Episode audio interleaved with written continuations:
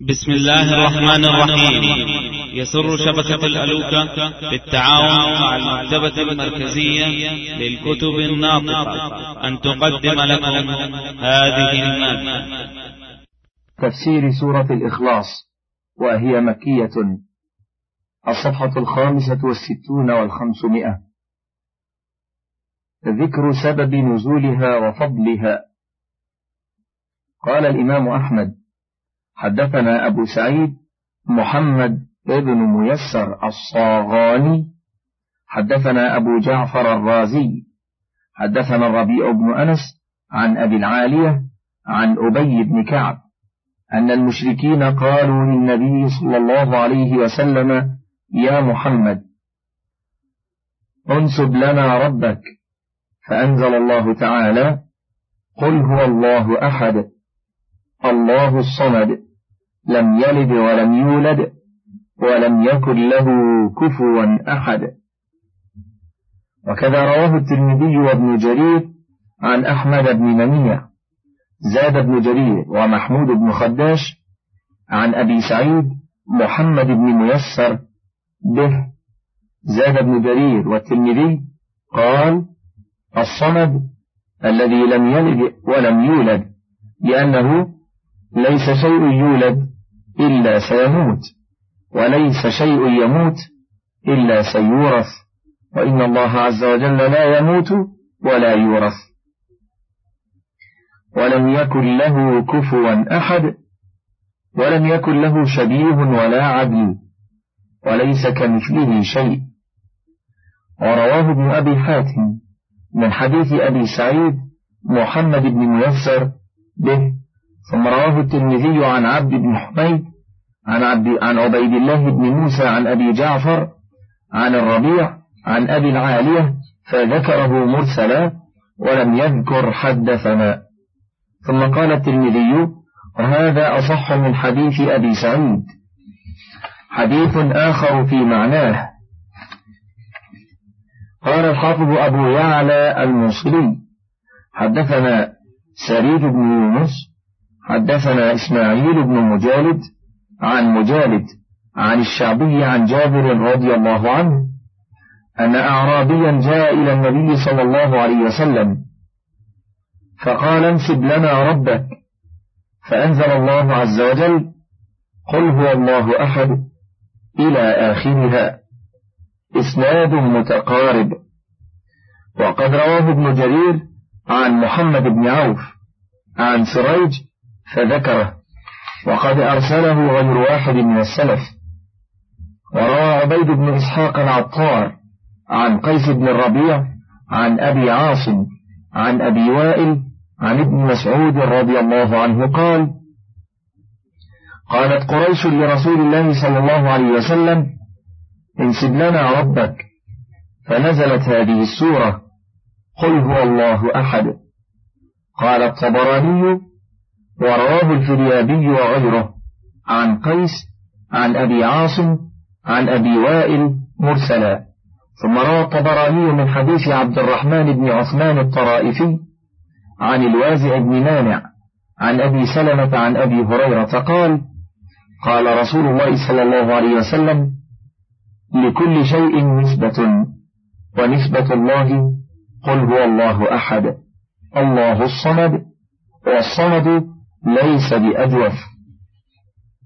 حديث آخر في فضلها.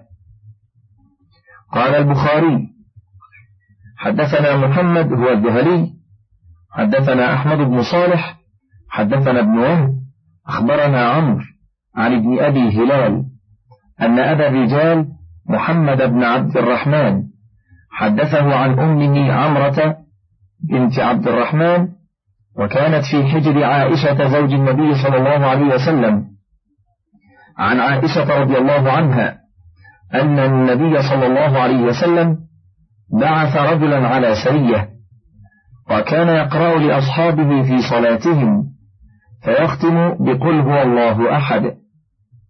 فلما رجعوا ذكروا ذلك للنبي صلى الله عليه وسلم فقال سلوه لأي شيء يسمع ذلك. فسألوه فقال لأنها صفة الرحمن وأنا أحب أن أقرأ بها. فقال النبي صلى الله عليه وسلم أخبروه أن الله تعالى يحبه. هكذا رواه في كتاب التوحيد. ومنهم من يسقط ذكر محمد الذهلي ويجعله من روايته عن أحمد بن صالح. وقد رواه مسلم والنسائي أيضا من حديث عبد الله بن وهب عن عمرو بن الحارث عن سعيد بن أبي هلال به. حديث آخر. قال البخاري في كتاب الصلاة. وقال عبيد الله عن ثابت عن أنس رضي الله عنه قال كان رجل من الأنصار يؤمهم في مسجد قباء. فكان كلما افتتح سورة يقرأ بها لهم في الصلاة مما يقرأ به. افتتح بقل هو الله أحد حتى يفرغ منها. ثم كان يقرأ سورة أخرى معها. وكان يصنع ذلك في كل ركعة. فكلمه أصحابه. فقالوا إنك تفتتح بهذه السورة. ثم لا ترى أنها تجزئك حتى تقرأ بالأخرى. فإما أن تقرأ بها وإما أن تدعها وتقرأ بأخرى. فقال ما أنا بتاركها إن أحببتم أن أؤمكم بذلك. فعلت وإن كرهتم تركتكم. وكانوا يرون أنه من أفضلهم وكرهوا أن يؤمهم غيره. فلما أتاهم النبي صلى الله عليه وسلم أخبروه الخبر فقال يا فلان ما يمنعك أن تفعل ما يأمرك به أصحابك وما حملك على لزوم هذه السورة في كل ركعة. قال إني أحبها. قال حبك إياها أدخلك الجنة. هكذا رواه البخاري تعليقا مجزوما به. وقد رواه أبو عيسى الترمذي في جامعه عن البخاري عن إسماعيل بن أبي أويس عن عبد العزيز بن محمد الدراوردي عن عبيد الله بن عمر فذكر بإسناده مثله سواء. ثم قال الترمذي غريب من حديث عبيد الله عن ثابت. قال وروى مبارك بن فضالة عن ثابت عن أنس أن رجلا قال يا رسول الله إني أحب هذه السورة. قل هو الله أحد.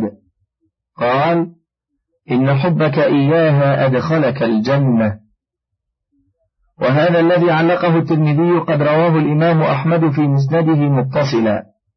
فقال حدثنا أبو النضر حدثنا مبارك بن فضالة عن ثابت عن أنس رضي الله عنه قال جاء رجل إلى رسول الله صلى الله عليه وسلم فقال إني أحب هذه السورة قل هو الله أحد. فقال رسول الله صلى الله عليه وسلم حبك إياها أدخلك الجنة. حديث في كونها تعدل ثلث القرآن. قال البخاري حدثنا إسماعيل حدثني مالك عن عبد الرحمن بن عبد الله بن عبد الرحمن بن أبي صعصعة عن أبيه عن أبي سعيد أن رجلا سمع رجلا يقرأ قل هو الله أحد يرددها. فلما أصبح جاء إلى النبي صلى الله عليه وسلم فذكر ذلك له وكأن الرجل يتقالها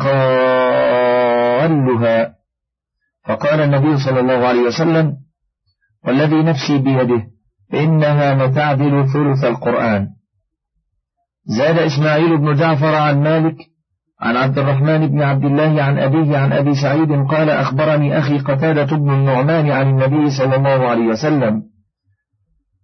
وقد رواه البخاري أيضا عن عبد الله بن يوسف والقعنبي ورواه أبو داود عن القعنبي والنسائي عن قتيبة كلهم عن مالك به.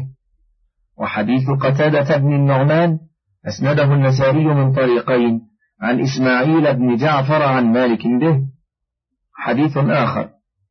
قال البخاري حدثنا عمر بن حفص حدثنا أبي حدثنا الأعمش حدثنا إبراهيم والضحاك المشرقي. عن أبي سعيد رضي الله عنه قال قال رسول الله صلى الله عليه وسلم لأصحابه أيعجز أحدكم أن يقرأ ثلث القرآن في ليلة؟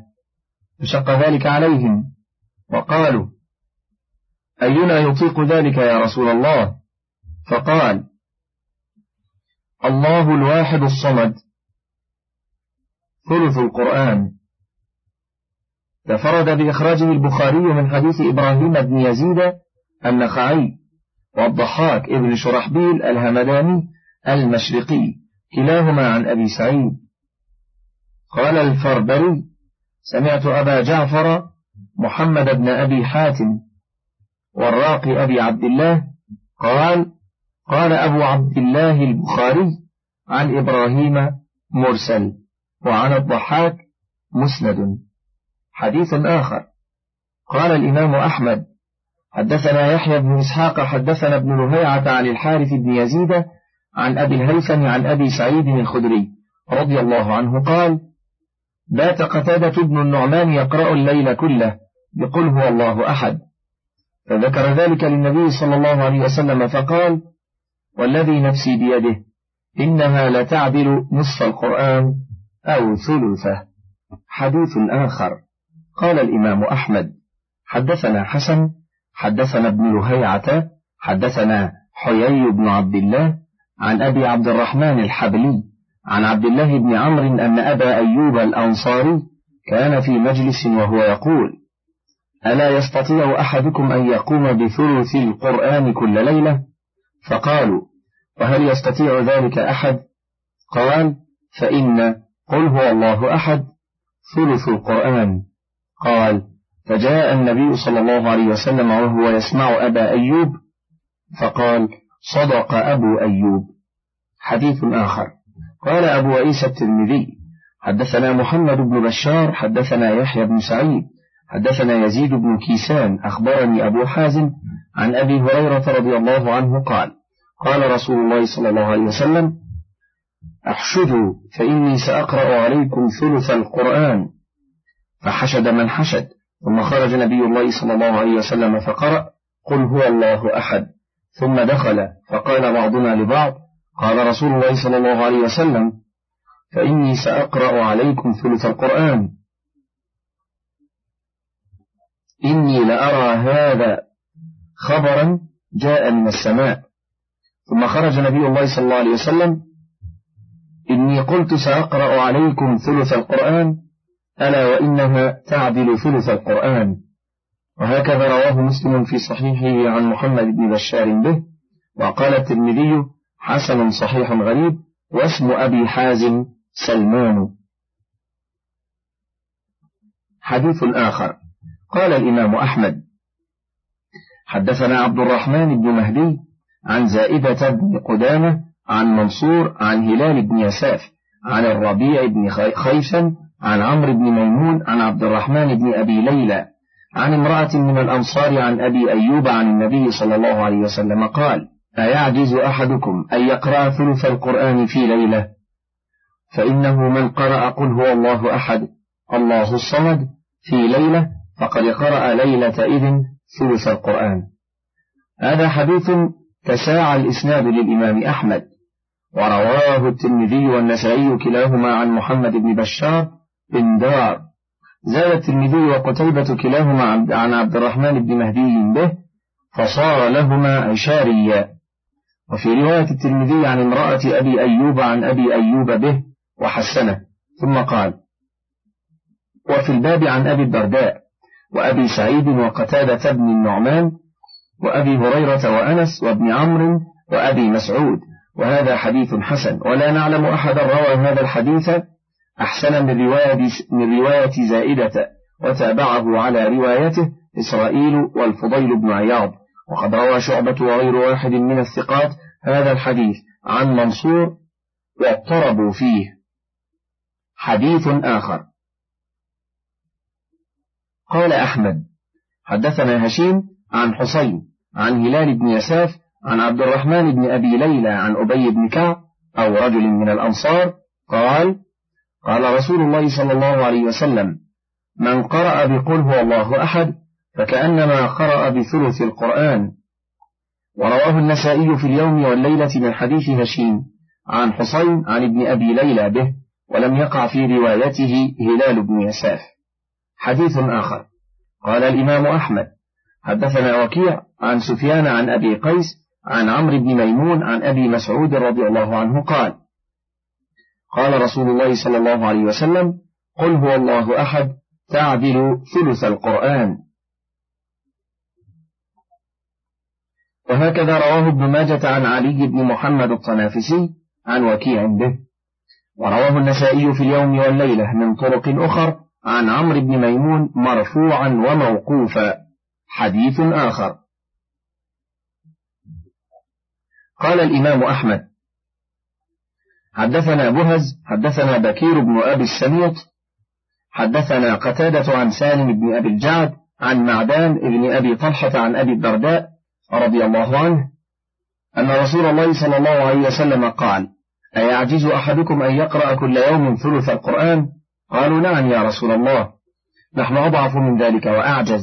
قال فإن الله جزأ القرآن ثلاثة أجزاء فقل هو الله أحد ثلث القرآن. ورواه مسلم والنسائي من حديث قتادة به. حديث آخر.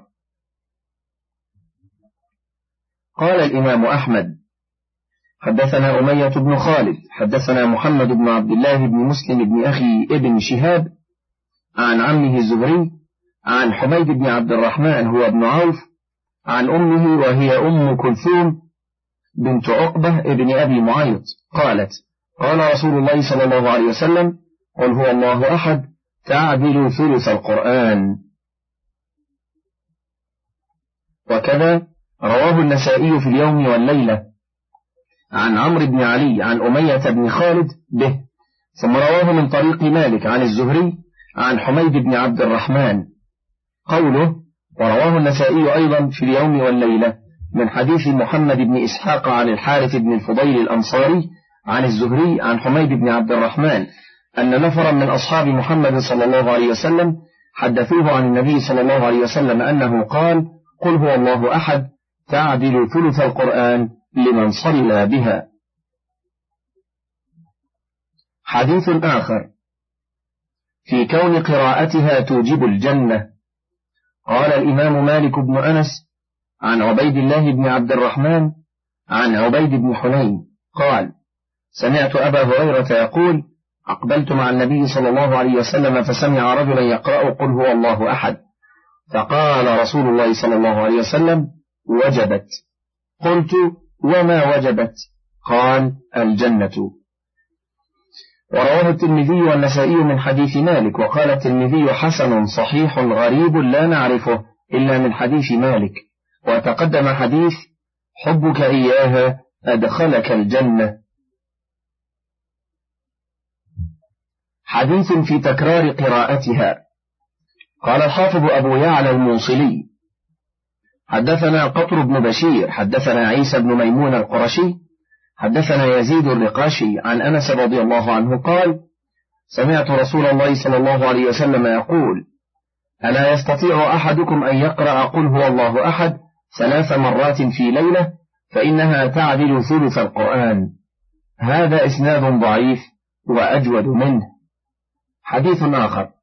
قال عبد الله بن الإمام أحمد حدثنا محمد بن أبي بكر المقدمي حدثنا الضحاك بن مخلد حدثنا ابن أبي ذئب عن أسيد بن أبي أسيد عن معاذ بن عبد الله بن حبيب عن أبيه قال أصابنا عطش وظلمة فانتظرنا رسول الله صلى الله عليه وسلم يصلي بنا فخرج فأخذ بيدي فقال قل فسكت. قال قل قلت ما أقول؟ قال قل هو الله أحد والمعوذتين حين تمسي وحين تصبح ثلاثة تكفيك كل يوم مرتين. ورواه أبو داود والترمذي والنسائي من حديث ابن أبي ذئب به وقال الترمذي حسن صحيح غريب من هذا الوجه. وقد رواه النسائي من طريق أخرى عن معاذ بن عبد الله ابن حبيب عن أبيه عن عقبة بن عامر فذكره. ولفظه تكفك كل شيء. حديث آخر في ذلك. قال الإمام أحمد حدثنا إسحاق بن عيسى حدثني ليث بن سعد حدثني الخليل بن مرة عن الأزهر بن عبد الله عن تميم الداري رضي الله عنه قال قال رسول الله صلى الله عليه وسلم من قال لا إله إلا الله واحدا أحدا صمدا لم يتخذ صاحبة ولا ولدا ولم يكن له كفوا أحد. عشر مرات كتب الله له أربعين ألف ألف حسنة. تفرد به أحمد والخليل بن مرة ضعفه البخاري وغيره بمرة. حديث آخر. قال الإمام أحمد أيضا حدثنا حسن بن موسى حدثنا ابن لهيعة حدثنا زبان بن فائد. عن سهل بن معاذ بن أنس الجهمي عن أبيه عن رسول الله صلى الله عليه وسلم قال من قرأ قل هو الله أحد حتى يختمها عشر مرات بنى الله له قصرا في الجنة.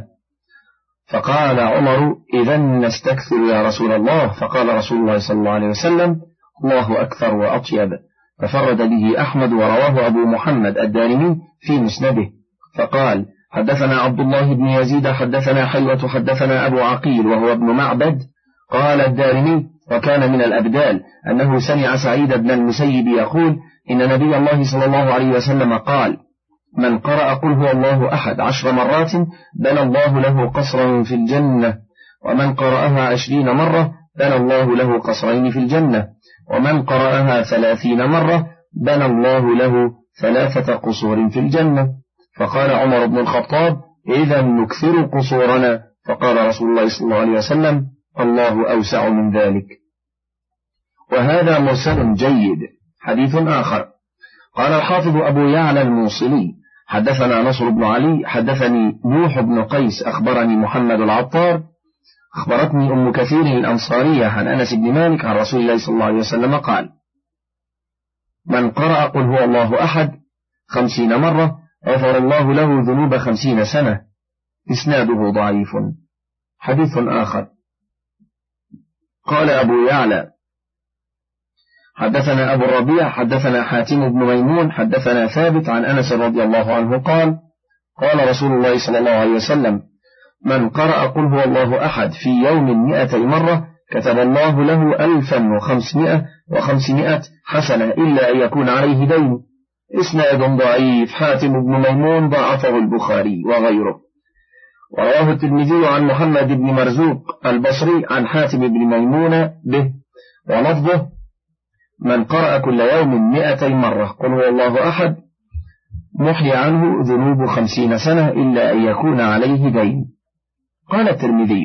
وبهذا الإسناد عن النبي صلى الله عليه وسلم قال من أراد أن ينام على فراشه فنام على يمينه ثم قرأ قل هو الله أحد مئة مرة. فإذا كان يوم القيامة يقول له الرب عز وجل يا عبدي أدخل على يمينك الجنة. ثم قال غريب من حديث ثابت. وقد روي من غير هذا الوجه عنه. وقال أبو بكر البذار حدثنا سهل بن بحر حدثنا حبان بن أغلب حدثنا أبي حدثنا ثابت عن أنس قال قال رسول الله صلى الله عليه وسلم من قرأ قل هو الله أحد مئتي مرة حط الله عنه ذنوب مئتي سنة. ثم قال لا نعلم رواه عن ثابت إلا الحسن بن أبي جعفر والأغلب بن تميم وهما متقاربان في سوء الحفظ. حديث آخر. في الدعاء بما تضمنته من الأسماء. قال النسائي أن تفسيرها حدثنا عبد الرحمن بن خالد حدثنا زيد بن الحباب حدثني مالك بن مغول حدثنا عبد الله بن بريدة عن أبيه أنه دخل مع رسول الله صلى الله عليه وسلم المسجد. فإذا رجل يصلي يدعو يقول اللهم إني أسألك بأني أشهد أن لا إله إلا أنت الأحد الصمد الذي لم يلد ولم يولد ولم يكن له كفوا أحد. قال والذي نفسي بيده. لقد سأله باسمه الأعظم الذي إذا سئل به أعطى وإذا دعي به أجاب. وقد أخرجه بقية أصحاب السنن من طرق عن مالك بن مغول عن عبد الله بن بريدة عن أبيه به وقال الترمذي حسن غريب. حديث آخر. في قراءتها عشر مرات بعد المكتوبة. قال الحافظ أبو يعلى الموصلي. حدثنا عبد الأعلى حدثنا بشر بن منصور عن عمر بن شيبان عن أبي شداد عن جابر بن عبد الله قال قال رسول الله صلى الله عليه وسلم ثلاث من جاء بهن مع الإيمان دخل من أي أبواب الجنة شاء وزوج من الحور العين حيث شاء من عفى عن قاتله وأدى دينا خفيا وقرأ في دبر كل صلاة مكتوبة عشر مرات قل هو الله أحد. قال فقال أبو بكر أو إحداهن يا رسول الله؟ قال أو إحداهن. حديث في قراءتها عند دخول المنزل. قال الحافظ أبو القاسم الطبراني حدثنا محمد بن عبد الله بن بكر السراج العسكري. حدثنا محمد بن الفرج حدثنا محمد بن الزبرقان عن مروان بن سالم عن أبي زرعة عن عمرو بن جرير عن جرير بن عبد الله قال قال رسول الله صلى الله عليه وسلم من قرأ قل هو الله أحد حين يدخل منزله نفت الفقر عن أهل ذلك المنزلة والجيران. إسناده ضعيف. حديث في الإكثار من قراءتها في سائر الأحوال. قال الحفظ أبو يعلى حدثنا محمد بن إسحاق المسيبي. حدثنا يزيد بن هارون عن العلاء بن محمد الثقفي. قال سمعت أنس بن مالك يقول كنا مع رسول الله صلى الله عليه وسلم بتبوك فطلعت الشمس بضياء وشعاع ونور. لم نرها طلعت فيما مضى بمثله. فأتى جبريل إلى النبي صلى الله عليه وسلم فقال يا جبريل ما لي أرى الشمس طلعت اليوم بضياء وشعاع ونور لم أرها طلعت بمثله فيما مضى. قال إن ذلك معاوية بن معاوية الليثي. مات بالمدينة اليوم. فبعث الله إليه سبعين ألف ملك يصلون عليه. قال وفيما ذاك؟ قال كان يكثر قراءة قل هو الله أحد في الليل وفي النهار وفي ممشاه وقيامه وقعوده فهل لك يا رسول الله أن أقبض الأرض فتصلي عليه؟ قال نعم فصلى عليه. وكذا رواه الحافظ أبو بكر البيهقي في كتاب دلائل النبوة من طريق يزيد بن هارون عن العلاء بن محمد وهو متهم بالوضع. والله أعلم. طريق أخرى. قال أبو يعلى حدثنا محمد بن إبراهيم الشامي أبو عبد الله حدثنا عثمان بن الهيثم مؤذن مسجد الجامع بالبصرة عندي عن محمود أبي عبد الله عن عطاء بن أبي ميمونة عن أنس قال نزل جبريل على النبي صلى الله عليه وسلم فقال مات معاوية بن معاوية الليثي فتحب أن تصلي عليه؟ قال نعم. فضرب بجناحه الأرض فلم تبق شجرة ولا أكمه إلا تضاضعت فرفع سريره فنظر إليه فكبر عليه وخلفه صفان من الملائكة في كل صف سبعون ألف ملك. فقال النبي صلى الله عليه وسلم يا جبريل بما نال هذه المنزلة من الله تعالى؟ قال بحبه قل الله أحد وقراءته إياها ذاهبا وجائيا قائما وقاعدا وعلى كل حال. ورواه البيهقي من رواية عثمان بن الهيثم المؤذن عن محبوب بن هلال عن عطاء ابن أبي ميمونة عن أنس فذكره وهذا هو الصواب. ومحبوب بن هلال قال أبو حاتم الرازي ليس بالمشهور. وقد روي هذا من طرق أخر تركناها اختصارا وكلها ضعيفة. حديث آخر في فضلها مع المعوذتين قال الإمام أحمد. حدثنا أبو المغيرة حدثنا معاذ بن رفاعة حدثني علي بن يزيد عن القاسم عن أبي أمامة عن عقبة بن عامر قال لقيت رسول الله صلى الله عليه وسلم فابتدأته فأخذت بيده فقلت يا رسول الله بما نجاة المؤمن؟ قال يا عقبة أخرس لسانك وليسعك بيتك وابك على خطيئتك. قال ثم لقيني رسول الله صلى الله عليه وسلم فابتدأني فأخذ بيدي فقال يا عقبة بن عامر ألا أعلمك خير ثلاث سور أنزلت في التوراة والإنجيل والزبور والقرآن العظيم؟ قال قلت بلى جعلني الله فداك. قال فأقرأني قل هو الله أحد وقل أعوذ برب الفلق وقل أعوذ برب الناس. ثم قال يا عقبة لا تنسهن ولا تبت ليلة حتى تقرأهن. قال فما نسيتهن منذ قال لا تنسهن. وما بت ليلة قط حتى أقرأهن. قال عقبة. ثم لقيت رسول الله صلى الله عليه وسلم فابتدأته فأخذت بيده فقلت يا رسول الله أخبرني بفواضل الأعمال. فقال يا عقبة صل من قطعك وأعطي من حرمك وأعرض عن من ظلمك. رواه الترمذي بعضه في الزهد من حديث عبد الله بن زحر عن علي بن يزيد فقال هذا حديث حسن وقد رواه أحمد من طريق آخر حدثنا حسين بن محمد.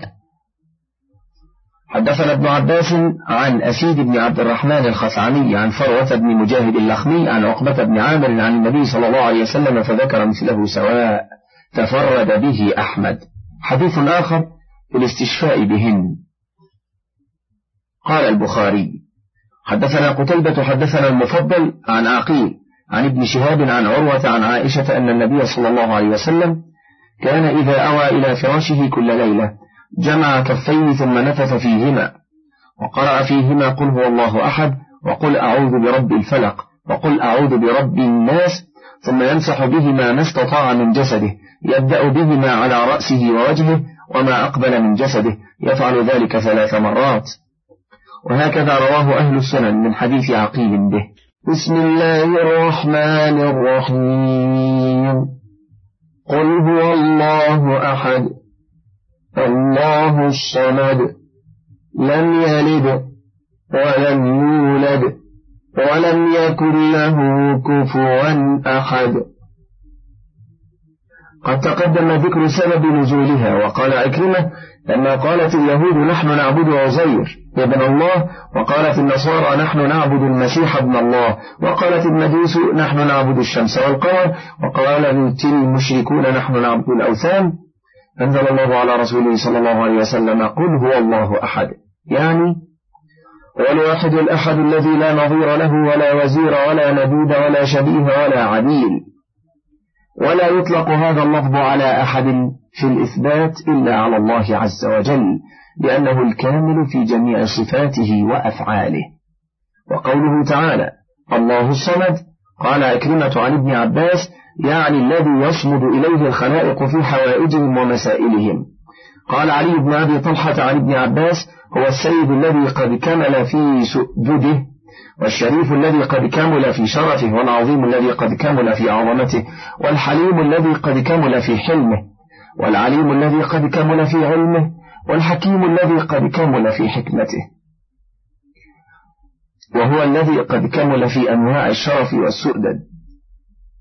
وهو الله سبحانه هذه صفته. لا تنبغي إلا له ليس له كفر وليس كمثله شيء. سبحان الله الواحد القهار.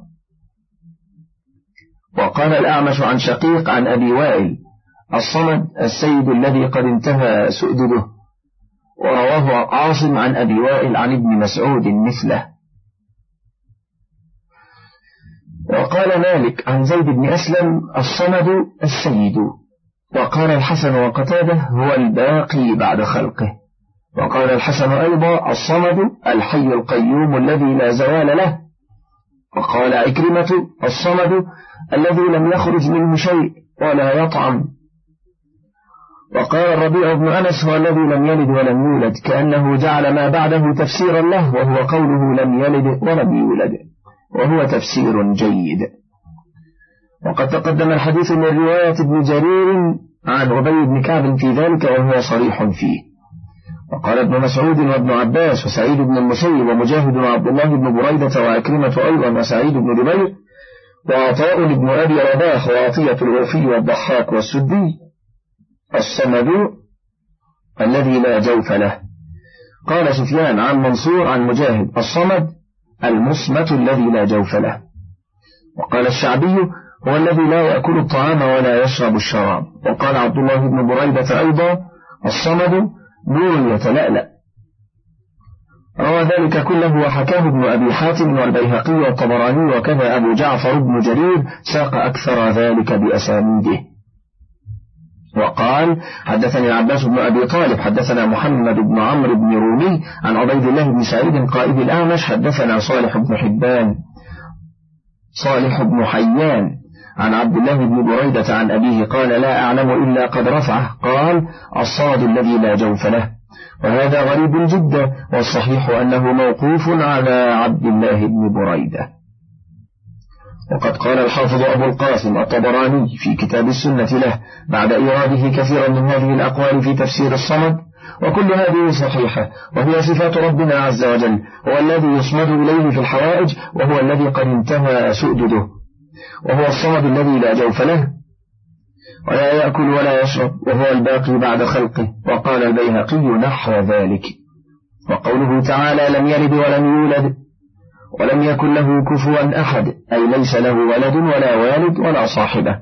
قال مجاهد ولم يكن له كفوا أحد يعني لا صاحبة له. وهذا كما قال تعالى بديع السماوات والأرض أن يكون له ولد ولم تكن له صاحبة وخلق كل شيء. أي هو مالك كل شيء وخالقه فكيف يكون له من خلقه نظير يساميه أو قريب يدانيه تعالى وتقدس وتنزه؟ قال الله تعالى وقال اتخذ الرحمن ولدا لقد جئتم شيئا إدا تكاد السماوات يتفطرن منه وتنشق الأرض وتخر الجبال هدا أن دعوا للرحمن ولدا وما ينبغي للرحمن أن يتخذ ولدا إن كل من في السماوات والأرض إلا آتي الرحمن عبدا.